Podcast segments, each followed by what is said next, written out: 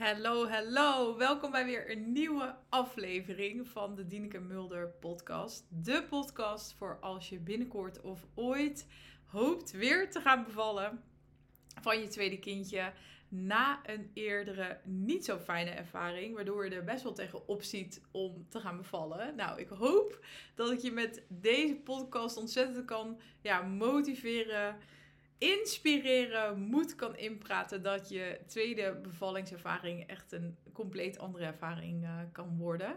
En dit is uh, aflevering 101. Ik ben heel benieuwd of je ook naar uh, aflevering 100 hebt geluisterd. Wat voor mij best wel een mijlpaal is. En um, ja, ik hoop dat je ook die uit die aflevering, want dat is een wat meer persoonlijke aflevering ook geworden. Um, waarin ik uh, meer deel over mijn eigen reis, mijn eigen verhaal naar mijn bevalling. Dus ik ben heel benieuwd wat je eruit hebt gehaald. Laat me weten. Stuur me gewoon even een DM'tje via Instagram. Vind ik heel leuk om even te connecten en te horen. Ja, of je iets in mijn verhaal hebt gehad. Of je iets aan die podcastaflevering hebt gehad. Dus daar ben ik heel benieuwd naar. Um, daarnaast ook nog even als je deze aflevering toevallig vandaag luistert. Vanavond geef ik weer een webinar om half acht. En ik geef deze webinar regelmatig. Dus mocht je er vanavond niet bij kunnen zijn, kijk dan even via de link hieronder in de show notes. Als je die aanklikt, dan zie je gewoon de eerstvolgende uh, datum. Maar die webinar die is dus speciaal voor jou als je er door je eerste bevallingservaring tegenop ziet om binnenkort, omdat je nu zwanger bent van je tweede kindje, weer te gaan bevallen. Of in de toekomst uh, weer te gaan bevallen, omdat je de wens hebt voor een tweede kindje. Nou, wil je daar nou mee aan de slag? Ben je er klaar mee dat je je zo voelt en wil je er gewoon weer naar uit kunnen kijken om weer te gaan bevallen? Um, meld je dan aan voor deze gratis webinar. Je bent heel erg welkom. Ik neem je dan mee door de vijf stappen waar, ja, die mij hebben geholpen en, waarvan ik um, ja, overtuigd ben dat ze jou ook kunnen helpen om um, ja, weer met een heel ander gevoel naar die bevalling uit te kunnen kijken. En daarin ga ik me heel specifiek focussen op hoe kun je je nou de volgende keer wel gezien en gehoord kunnen voelen. En daaronder valt natuurlijk ook als je het gevoel hebt dat je uh, vorige keer niet helemaal eigen keuzes kon maken. Of dat er niet naar je geluisterd werd. Uh, je autonomie uh, eigenlijk kwijtraakte, de regie kwijtraakte. Um, dus wil je daar graag meer over leren, wil je ermee aan slag, meld je dan even aan voor mijn gratis webinar. En uh, superleuk als je erbij bent. En dat kan dus via de link hieronder in de show notes.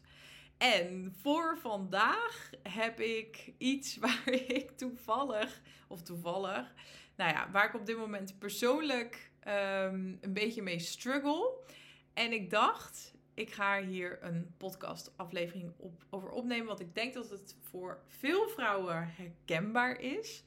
En daarnaast heeft het ook ontzettend veel te maken met je bevalling. Dus vandaar ook de titel. Als je, ja, als je dit lastig vindt al in je dagelijks leven, dan ga je dit ook lastig vinden. Of misschien vond je dit ook wel lastig tijdens je bevalling. En um, ja, om daar wat meer over te vertellen. Ik merk dat ik de afgelopen, even kijken hoor, anderhalve week um, weer in een soort van ja, staat van zijn ben. Dat ik me constant gestrest en opgejaagd voel. Ik omschrijf het altijd een beetje als een, ja, ik noem het altijd een, een sneltrein aan gedachten die door mijn hoofd raast. Dus ik kan gewoon dan mijn hoofd gewoon niet meer stil krijgen. Dus het is alsof er constant um, dingen gaande zijn. En ik voel me dus ook eigenlijk constant opgejaagd. En ik heb dit één keer in de zoveel tijd. Ik weet het inmiddels van mezelf. Um, het is ook een beetje begonnen nadat ik een burn-out heb gekregen in 2013. Ja, ik weet niet of het echt daarna nou echt is begonnen. Ik denk dat ik dit altijd al heb gehad, maar dat het um, door die burn-out heel erg zichtbaar is geworden. Dus ik ben er nu veel bewuster van. Waardoor ik al eerder eigenlijk ja, mijn leven op een dusdanige manier kan inrichten dat het niet heel vaak gebeurt. Maar op dit moment gebeurt het, ja, ik denk eens in de twee, drie maanden. Dus dat valt gelukkig nog wel mee. Ehm, maar ik heb het nu dus al anderhalve week. En ik merk vandaag, want vanochtend is Daniel naar uh, oma gegaan. Naar mijn schoonouders. Patrick heeft hem weggebracht. En we hadden net echt... Ja, vanaf donderdag was het natuurlijk hemelvaartsdag. Dus hij is uh, continu uh, dus bij ons geweest. Um, en ik merk dat dat vooral heel intens is. Dus als ik al in die staat van zijn ben. Dus dat ik me zo super opgejaagd en gestrest voel. Dan uh, voel ik dat, hoewel ik echt heel veel van hem hou. Ik merk dat, dat het moederschap er dan een soort van nog een schepje bovenop uh, doet. Want ja, met kleine kinderen sta je sowieso best wel aan. Dus ik vind dat heel heftig. Dus ik was best wel blij hoe gek het ook klinkt dat hij vanochtend naar oma ging. Waardoor ik heel even vandaag had om weer tot rust te komen. Om weer um, even kijken of ik mezelf kon resetten. Zo noem ik dat altijd een beetje. En um, nou, die staat van zijn, daar wil ik je iets meer over vertellen. En bij mij uitzicht dat dus in dat ik me heel erg opgejaagd voel. En dat ik constant het idee heb dat ik het gekke is, of de paradox is, dat ik me heel opgejaagd voel. Maar dat ik dus constant het idee heb dat ik allemaal dingen moet doen. Dus dat ik in actie moet komen om me minder gestrest en opgejaagd te voelen. Dus bij mij is dat heel erg in het huishouden bijvoorbeeld. Normaal, als ik gewoon ontspannen ben, dan kan ik dat best wel loslaten. Want ja, met kinderen is het gewoon bijna niet te doen om constant een opgeruimd huis te hebben. Ik zou dat wel willen, maar op een gegeven moment ben ik gewoon dat steeds meer gaan loslaten. Want anders ben je daar gewoon constant mee bezig. Dus normaal kan ik dat redelijk loslaten. Maar als ik me dus ja, best wel gestrest en opgejaagd voel, dan heb ik heel erg de illusie, want uiteindelijk is het een illusie natuurlijk, dat ik constant, dat er constant dingen in huis gefixt moeten worden, de was moet gedaan worden en allemaal dingen. En dat gaat dan de hele tijd door mijn hoofd heen. Um, dus een, echt een ellenlange to-do-list. En in mijn hoofd heb ik dan het idee dat als ik dat allemaal heb afgewerkt, dat ik dan pas tot rust kom. Um, maar dat is natuurlijk uiteindelijk niet waar. Uh, dat is een illusie eigenlijk die je hoofd creëert. Eigenlijk wat op dat moment helpt. Alleen in het, als ik daarin zit, vind ik dat heel moeilijk om te zien. Nu, vandaag ben ik dus weer een beetje tot rust gekomen. Nu zie ik dat wel. Maar eigenlijk is het juist, is het juist belangrijk dat je tot rust komt. Dus dat je dingen gaat doen waardoor je niet in de actiestand hoeft te komen. Alleen op dat moment zelf uh, althans bij mij merk je heel erg dat mijn brein zegt: actie, actie, actie. Je moet heel veel doen om weer uh, rustig te kunnen worden. Dus mijn brein stelt eigenlijk voorwaarden. Um, en dat merkte ik heel erg de afgelopen anderhalve week. En vandaag gaat het dus iets beter. Omdat ik even heel rustig aan heb gedaan. En ik heb vandaag trouwens wel het huis opgeruimd. Omdat ik merkte, oké, ik heb even heel erg behoefte aan dat het huis gewoon weer even netjes is. Zodat dat me rust gaat geven. En dat hielp uh, wel. Maar nu kon ik het gewoon vanuit een ontspannen staat meer doen in plaats van um, met Daniel erbij, zeg maar. Dus ook nog met het even moeder zijn constant aanstaan erbij. En, um, en ik dacht, ik ga deze aflevering even omschrijven, want ik doe dat dus altijd bij mezelf. Als ik me ergens op een manier voel waar ik niet helemaal blij mee ben, dan ga ik altijd een beetje op onderzoek uit en dan ga ik uitzoeken hoe dat dan precies zit. Dus vandaag heb ik ook weer even wat meer onderzoek gedaan. Ik wist dit al wel een beetje vanuit mijn studie, maar ik dacht, oké, ik wil hier nog even wat extra induiken. Want waar het namelijk mee te maken heeft, het heeft namelijk te maken met je zenuwstelsel. Dus je zenuwstelsel um, heeft heel veel met je brein te maken, maar ook met alle andere functies in je lichaam. En ik heb even wat notities gemaakt, want ik wilde het even goed helemaal uitleggen. Dus um, ik wilde even nog wat meer in detail hierin gaan. Want je zenuwstelsel um, speelt natuurlijk een rol gewoon in je dagelijks leven, maar ook heel erg tijdens je bevalling. En ik heb al wel vaker dingen gedeeld over eh, de rol van je brein tijdens je bevalling. Maar eigenlijk is je brein uh, uiteindelijk onderdeel weer van je zenuwstelsel. Het heeft een wisselwerking. Oké, nou, ons zenuwstelsel, eigenlijk hoe het begint, ik heb het helemaal gevisualiseerd, dat, helpt mij altijd heel erg, bestaat eigenlijk uit twee delen. Je hebt zeg maar het centrale zenuwstelsel, die um, je brein en je ruggenmerg als het ware aanstuurt. En dan heb je je perifere zenuwstelsel, die je weefsels, spieren en organen aanstuurt. En uh, onderdeel van je perifere zenuwstelsel is je autonome zenuwstelsel. Nou, het woord zegt al autonoom. Het zorgt er namelijk voor dat er functies in je lichaam altijd ja, een soort van doordraaien zonder dat je daar iets voor hoeft te doen. Dus dat is bijvoorbeeld je hartslag, je ademhaling, je spijsvertering. Dat zijn allerlei processen die ja, gewoon constant, continu doorgaan. En dat komt dus doordat je autonome zenuwstelsel actief is. Maar in sommige situaties um, betekent het dat je lichaam een soort van stressstaat komt, wat weer effect heeft dus op je ademhaling, op je hartslag en op je spijsvertering. En, toen ik dit weer las, dacht ik, oh ja, inderdaad, het kwam even weer allemaal terug. Want toen ik bijvoorbeeld mijn burn-out had, had ik, en dat heb ik nu helemaal niet meer, maar had ik constant last van mijn buik, constant last van mijn darmen. Dus mijn hele spijsvertering was helemaal, um, ja, was, was gewoon helemaal op hol geslagen aan mijn hartslag merkte ik dat ik heel vaak, ehm, hoe noem je dat ook alweer? Dus dat mijn hartslag opeens heel erg verhoogd was en opeens een paar keer een soort van over. Dus alsof je hart op hol slaat, zeg maar letterlijk. Daar had ik heel veel last van. En qua ademhaling, ik merkte uh, destijds, en dat heb ik dus nog steeds, nu ook de afgelopen anderhalve week, dat mijn ademhaling helemaal hier zit, dus heel hoog. En dus dat ik heel gespannen ben en dat ik constant een drukkend gevoel heb op mijn keel. Dus ik was het even aan het analyseren bij mezelf vandaag. Dus ik ben ook heel benieuwd of je dit bij jezelf herkent. Want toen eh, begon ik opeens weer te zien en een beetje uit te zoomen. En te zien van, oh ja, dit heeft zoveel effect. Zeg maar de manier waarop je voelt. En onder dat autonome zenuwstelsel zijn weer een soort van twee verschillende vertakkingen die heel belangrijk zijn. Dat is het sympathische zenuwstelsel en het parasympathische zenuwstelsel.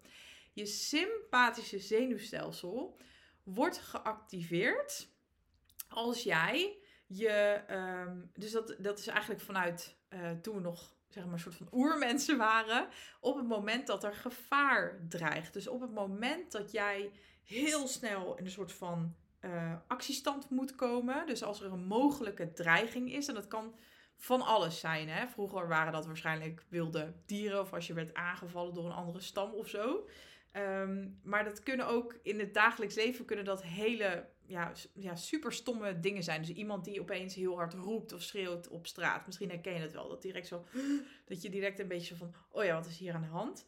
En het wordt ook wel, hoe het wordt omschreven, het gaspedaal genoemd. Dus je sympathische zenuwstelsel ehm, wordt geactiveerd. Um, dus op het moment dat er een dreiging is, op dat moment wordt heel snel dat gaspedaal ingetrapt. En kom je in een soort van opgejaagd gevoel, staat van zijn. Dus dat is ook wat ik de afgelopen anderhalve week heel erg heb ervaren. Dus je bent opeens heel erg actief en alert op een mogelijke dreiging.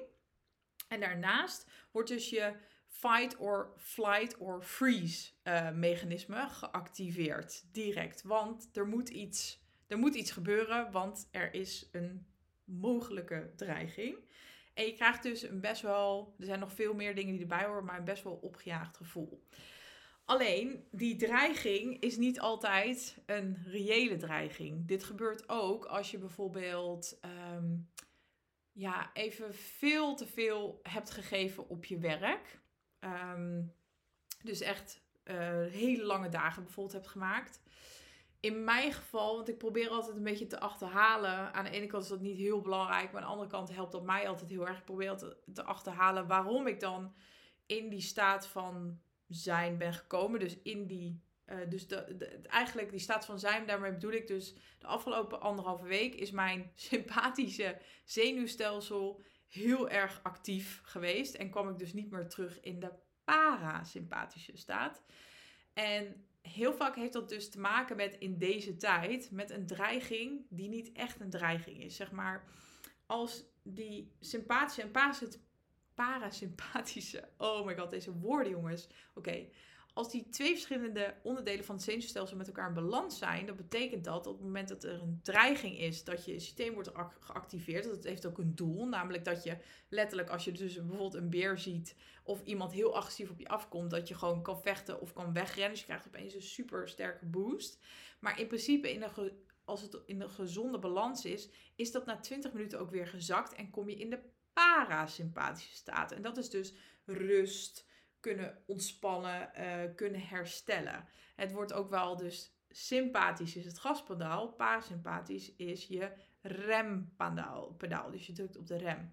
Maar wat heel vaak gebeurt, dus bij mij heeft het nu anderhalve week geduurd, dat is natuurlijk niet uh, gezond. Dus anderhalve week lang heb ik slecht geslapen. Dus ik merk ook in mijn slaap dat ik uh, niet in een diepe slaap kom. Dat ik constant een beetje zo'n.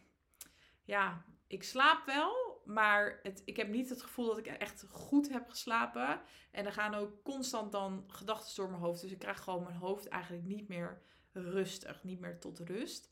Um, dus dat is, dat is eigenlijk niet een goede balans natuurlijk. Het is eigenlijk heel, ja, heel slecht voor je als jouw parasympathische zenuwstelsel dus constant staat ingeschakeld, als het ware. Dus eigenlijk op een soort van overdrive staat. Dus je bent constant dat gaspedaal aan het indrukken. Dus dat is een beetje wat ik bedoel met zeggen: heel vaak is die dreiging niet reëel, maar wordt die getriggerd door iets anders. Dus ofwel dat je, ehm, nou ja, super veel, super veel aan de hand is op je werk en hele lange dagen hebt gemaakt zonder uh, dat het weer in balans is met het nemen van rust. In mijn geval als ik nu terug in zit, denk ik begonnen. Ik ben dus anderhalve week geleden een, ja, een weekendje weg geweest met vriendinnen. En toen gingen we zo'n trip down memory lane doen. Wat heel leuk was. Maar ook best wel intens. Omdat we langs allerlei plekken gingen. Waar, uh, dus waar we herinneringen hebben. Mooie herinneringen, maar ook niet zo fijne herinneringen. Dus ik ging bijvoorbeeld langs mijn oude basisschool. Waar ik de eerste vier jaar van mijn leven heb doorgebracht. En daar heb ik niet zulke hele fijne herinneringen. Die gingen we op dat moment ophalen. Nou, normaal, ja, ik ga daar nooit, daar praat ik natuurlijk nooit echt, zeg maar, over. Maar nu was, uh, waren we daar letterlijk. Dus we gingen constant herinneringen met elkaar delen. En uh, wat ook fijn was, maar ik merkte daarna uh, dat er iets bij mij getriggerd was. En het lukte me gewoon niet meer om weer, dus dat is eigenlijk gewoon oud trauma, zeg maar. En het lukte me gewoon niet meer om tot rust te komen. En vervolgens, wat er dan gebeurt bij mij. En ik, ik word me hier steeds meer bewust van. En misschien herken je het wel. Wat er op dat moment gebeurt, is dat we dat merken aan onszelf. Dus we voelen ons opgejaagd en gestrest.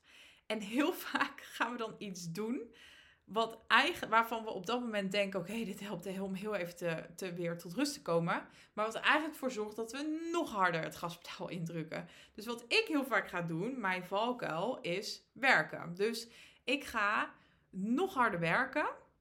Want ik heb namelijk heel erg het idee: er staat van alles op mijn to-do-list. En als ik dat heb afgewerkt, dan word ik weer rustiger. Dus je merkt wel een beetje, deze hele aflevering is ook een note to self. Maar ik deel het omdat ik denk dat het herkenbaar is en omdat ik denk dat je er heel veel aan hebt. Ehm, maar ik ga dus ofwel, ik verlies me heel erg in werk, dus ik ga nog meer doen voor werk, omdat ik denk, dus, en dat is een illusie natuurlijk, hè, maar omdat ik denk dat als ik uiteindelijk al die dingen voor werk heb gedaan, dat ik dan weer rustig ben. Of ik verlies me heel erg in het huishouden en alles wat er nog in huis en moet gebeuren. Dus ook dingen als oh, Daniel moet, uh, we moeten nieuwe schoenen voor hem kopen. En dan heb ik in mijn hoofd, oké, dat moet ik nu doen. En als ik dat heb gedaan, dan, dan is het weer rustig in mijn hoofd. Maar het kan ook zijn omdat je, sorry, omdat je op dat moment gaat Netflixen. En met Netflix is natuurlijk niks mis. Alleen als je het doet op het moment dat je dus je al best wel gestrest voelt, dan gaat het uiteindelijk niet helpen. Ik heb het ook. Ik drink niet heel veel alcohol. Um, maar afgelopen weekend dacht ik onbewust dat het de oplossing was om gewoon lekker heel veel wijntjes met een vriendin te gaan drinken. En op dat moment merk ik ook van, oh, ik kan heel even relaxen. Maar eigenlijk is dat natuurlijk schijn. En de vorige dag uh, merkte ik ook direct, oké, dit heeft niet geholpen. Dit heeft het alleen maar erger gemaakt. Dus je gaat eigenlijk onbewust dingen doen waarvan je denkt dat het je gaat helpen. Maar eigenlijk ben je het alleen maar aan het dempen. Dus dat kan zijn dus met alcohol, uh, allerlei andere verdovende middelen. Maar het kan ook dingen zijn zoals Netflix, dus nog meer schermen gaan bekijken. Dus heel lang op je telefoon gaan zitten. Kan zijn winkelen, heb ik ook. uh, dus, um, dus allemaal van die dingen die eigenlijk op korte termijn heel even zorgen dat je, um, ja, hoe zeg je dat? Dat je, dat je een beetje, uh, dat er een beetje een soort van demping is. Maar eigenlijk maakt het alleen maar erger, want eigenlijk trap je nog harder dat gaspedaal in. En ik moet zeggen dat ik krijg daar steeds meer bewustzijn op, maar ik vind het ook nog steeds lastig. Dus vandaar dat ik het ook eerlijk eh, deel. Want in het moment, in het moment zelf, nu kan ik erop reflecteren, maar in het moment zelf denk ik echt heel erg dat dat een hele goede oplossing is. Terwijl het eigenlijk beter werkt om dingen te doen die meer bij je parasympathische staat van zijn passen. Zoals bijvoorbeeld, ja, het klinkt echt super saai, maar ik weet ook dat het beter is voor mij zelf door bijvoorbeeld te gaan wandelen in de natuur. Dus door dingen te gaan doen die je niet uh, nog meer prikkels geven. Dus het is eigenlijk super simpel. Winkelen geeft nog meer prikkels eigenlijk. Alcohol geeft nog meer prikkels. Netflixen, schermen op je telefoon zitten geeft nog meer prikkels. En daar is niks mis mee. Alleen het is niet de allerbeste oplossing om te gaan doen als jij dus al voelt dat je in die dat je sympathische zenuwstelsel uh, op overdrive staat. Dus als je al heel opgejaagd en gestrest voelt. En dat is puur oefenen en trainen. Dus dat is ook wat ik aan het doen ben. Het begint natuurlijk bij bewustzijn. Maar vandaag heb ik dus nou, eigenlijk bijna niet gewerkt. Terwijl ik, had, ik heb daarvoor ook al vijf dagen niet gewerkt vanaf hemelvaart. Dus ik merk dat ik daar wel heel zenuwachtig door word. Dat ik denk, oh, ik moet heel veel gebeuren. Maar ik heb gewoon letterlijk vandaag opgeschreven de belangrijkste dingen die, gewoon, ja, die ik sowieso wilde doen vandaag. Maar voor de rest heb ik eigenlijk niet zoveel gedaan. Ja, heel rustig aan in huis, een beetje opgeruimd. Uh, na, nadat deze podcast online staat, wil ik even lekker dus gaan wandelen. Um, ik heb geprobeerd beeldschermtijd heel erg te minimaliseren vandaag. Ik geef dan vanavond natuurlijk de webinar, die wil ik heel graag door laten gaan. Maar voor de rest heb ik echt geprobeerd om het rempedaal vandaag in te trappen. Um, dus zorg dus dat je op dat moment, als je dat bij jezelf ervaart, um, probeer, en dat is heel lastig in het moment zelf. Dus nogmaals, dat lukt mij ook nog niet. Maar ik merk dus wel dat die staat van zijn, dus dat opgejaagde gevoel, dat ik dat veel minder frequent ervaar. Terwijl vroeger was dat op sommige momenten bijna constant. Nou, in mijn burn-out dus constant. Uh, maar ik heb er nu dus één keer in de twee, drie maanden dat ik er echt even een aantal dagen of soms dus een week in zit.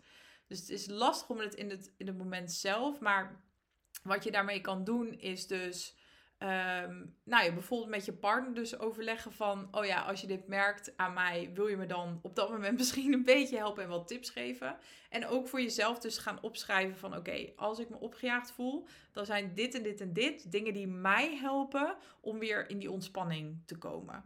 Dus uh, door lekker te gaan wandelen of door te gaan fietsen of, nou ja, alles uh, wat je geen prikkels oplevert, zeg maar. Dus of geen prikkels geeft in die zin, maar heel prikkelarm is. En jou dus kan helpen. En dat kunnen heel veel verschillende dingen zijn. Het kan ook zijn omdat je het leuk vindt om te tekenen of te borduren of whatever. Ik ben, nou ja, dat is ook weer typisch mij. Ik ben een tijdje geleden met diamond painting begonnen. Want dat leek me echt super relaxed om al die kleine steentjes erop te plakken. En dat, dat schilderij is half af en ik heb hem niet afgemaakt. Dus dat, dat soort dingen kan je ook doen. Ik moet er ook weer even mee beginnen. Maar gewoon waar je dus geen extra prikkels bij krijgt. Dus waar je heel het gevoel van, oh ja, als ik dat doe, dan trap ik juist het rempedaal in in plaats van het gaspedaal. En wat heeft dat, dit dan weer te maken met bevallen? Nou, je kunt het misschien al raden, maar tijdens jouw bevalling, jouw bevalling, het verloop van jouw bevalling heeft ontzettend veel baat bij als jij zoveel mogelijk in die parasympathische staat bent van je zenuwstelsel. En misschien zeg je nu, ja, maar hoe kan dat dan? En, en weet je hoeveel pijn ik had? Ehm, maar hoe meer jij uh, in die parasympathische staat bent, hoe beter jij ook die pijn, met die pijn kan omgaan. Hoe beter de hormonen gaan stromen, dus oxytocine en endorfines, die weer helpen om eigenlijk als een soort van natuurlijke pijnverlichting. En het is dus ook heel belangrijk om vooral ehm, als je dit luistert en je gaat binnenkort of je hoopt ooit weer voor de tweede keer te gaan bevallen, om er dus ook echt naar te gaan kijken uh, hoe jij überhaupt, nou ik denk dat tip 1, oefen hier in je dagelijks leven mee. Dus ook hoe ik dit uitleg. Ga dus heel eerlijk kijken naar jezelf en wat zijn nou de de situatie waarin jij dus ook dit opgejaagde gevoel ervaart, of niet alleen situaties, maar soms misschien ook wel net als ik, dus dat je er echt wel meerdere dagen of een week last van hebt en hebt. En kijk ook waar komt dat vandaan, dus waardoor, wat zijn nou de dingen die dat uh, triggeren, zodat je dat al een beetje voor kunt zijn. En ga dus kijken, wat doe ik daar nu mee? Dus hoe, ehm, wat doe ik zelf? Of wat denk ik wat me helpt? Wat helpt mij om dus weer uh, van die sympathische naar die parasympathische stand. Dus uit die overdrive in uh, de ruststand komen. En zijn dat dan echt de dingen die jou helpen? Dus wees daar ook heel, heel eerlijk in naar jezelf toe. Dat doe ik ook. Dat is best wel lastig. Maar bij mij, soms denk ik dus dat, dat een paar wijntjes drinken de oplossing is. Soms denk ik dus dat winkelen de oplossing is. Soms denk ik dat um, heel veel dingen doen voor werk of heel veel dingen opeens in het huishouden doen, dat dat de oplossing is. Maar eigenlijk is dat dus niet de oplossing. Dus ga eens kijken, wat doe je nu en helpt dat echt? En ga kijken, wat zijn de dingen die juist heel helpend zouden kunnen zijn. En door er dus al mee te gaan oefenen in je dagelijks leven, ga je sowieso de kans vergroten dat je dit ook um, ja, veel makkelijker zult gaan oppakken in je bevalling. Want in je bevalling zul je ook kleine situaties tegenkomen. Misschien ben je die al tegengekomen in je eerste bevalling. Waarin het voor jou voelt alsof er een soort van dreiging is. En dat kan zijn doordat er dus iets wordt getriggerd vanuit vroeger. Wat je vroeger eigenlijk als kind als een soort van dreiging hebt ervaren. En wat eigenlijk een soort van gehertriggerd um, wordt tijdens je bevalling. En uh, ga daarin dus ook nadenken over als dit gebeurt tijdens mijn bevalling, wat gaat mij dan helpen om ehm, zo snel mogelijk eigenlijk weer die switch om te kunnen zetten? Dus eigenlijk wat je in het dagelijks leven in het groot oefent, ga je dus in het wat kleiner als het ware toepassen tijdens je, tijdens je bevalling. Dus wat gaat jou daarin helpen? Ik zit even een voorbeeld te bedenken. Maar achteraf gezien, wat bij mij niet helpend was, is dat er dus zorgverleners bij mij constant de nadruk legden op wat ik niet goed deed. en bij mij is het niet goed doen een enorme trigger, uh, waar ik heel veel overlevingsstrategieën op heb op ontwikkeld als kind. En wat dus eigenlijk heel erg uitvergroot terugkwam tijdens mijn bevalling. Wist ik toen niet, nu wel. Uh, maar inmiddels weet ik dat. Dus ik ga ook vooraf met mijn zorgverleners, als ik weer voor de tweede keer zou gaan bevallen, bespreken um, wat voor mij helpend is in de communicatie en wat niet. Dus dit is iets wat je dus vooraf ook al met je partner en met zorgverleners kunt gaan bespreken. Als je dit dus van jezelf weet. En kijk dus ook um, qua onvoorziene situaties. Het kan natuurlijk ook zijn dat jij um, uh, bijvoorbeeld sowieso in het ziekenhuis wil bevallen, polyklinisch of dus uh, medische indicatie hebt en dat je nog niet helemaal weet wie er dan bij gaan zijn. Dus ga ook alvast nadenken over wat als er iets onvoorziens gebeurt. Hoe kan ik dan voor zorgen dat ik zo snel mogelijk weer in die ruststand uh, kan komen? Wat helpt mij daarbij? Dat is natuurlijk voor iedereen anders. Maar ga een beetje op onderzoek uit en ga dus kijken wat zou mij hierin helpen. Want ja, nogmaals, die staat waarin jouw zenuwstelsel verkeert is zo ontzettend belangrijk. En daarnaast denk niet dat als je dit nu niet oefent, dat het wel goed komt tijdens je bevalling. Want trust me, als je hier al niet heel erg goed in bent in het dagelijks leven, dan gaat het tijdens je bevalling nog veel lastiger worden. Dus het helpt je zo ontzettend als je dit nu al gaat oefenen. Dus, en het is heel simpel ook de processen waar ik dus nu zelf doorheen ga.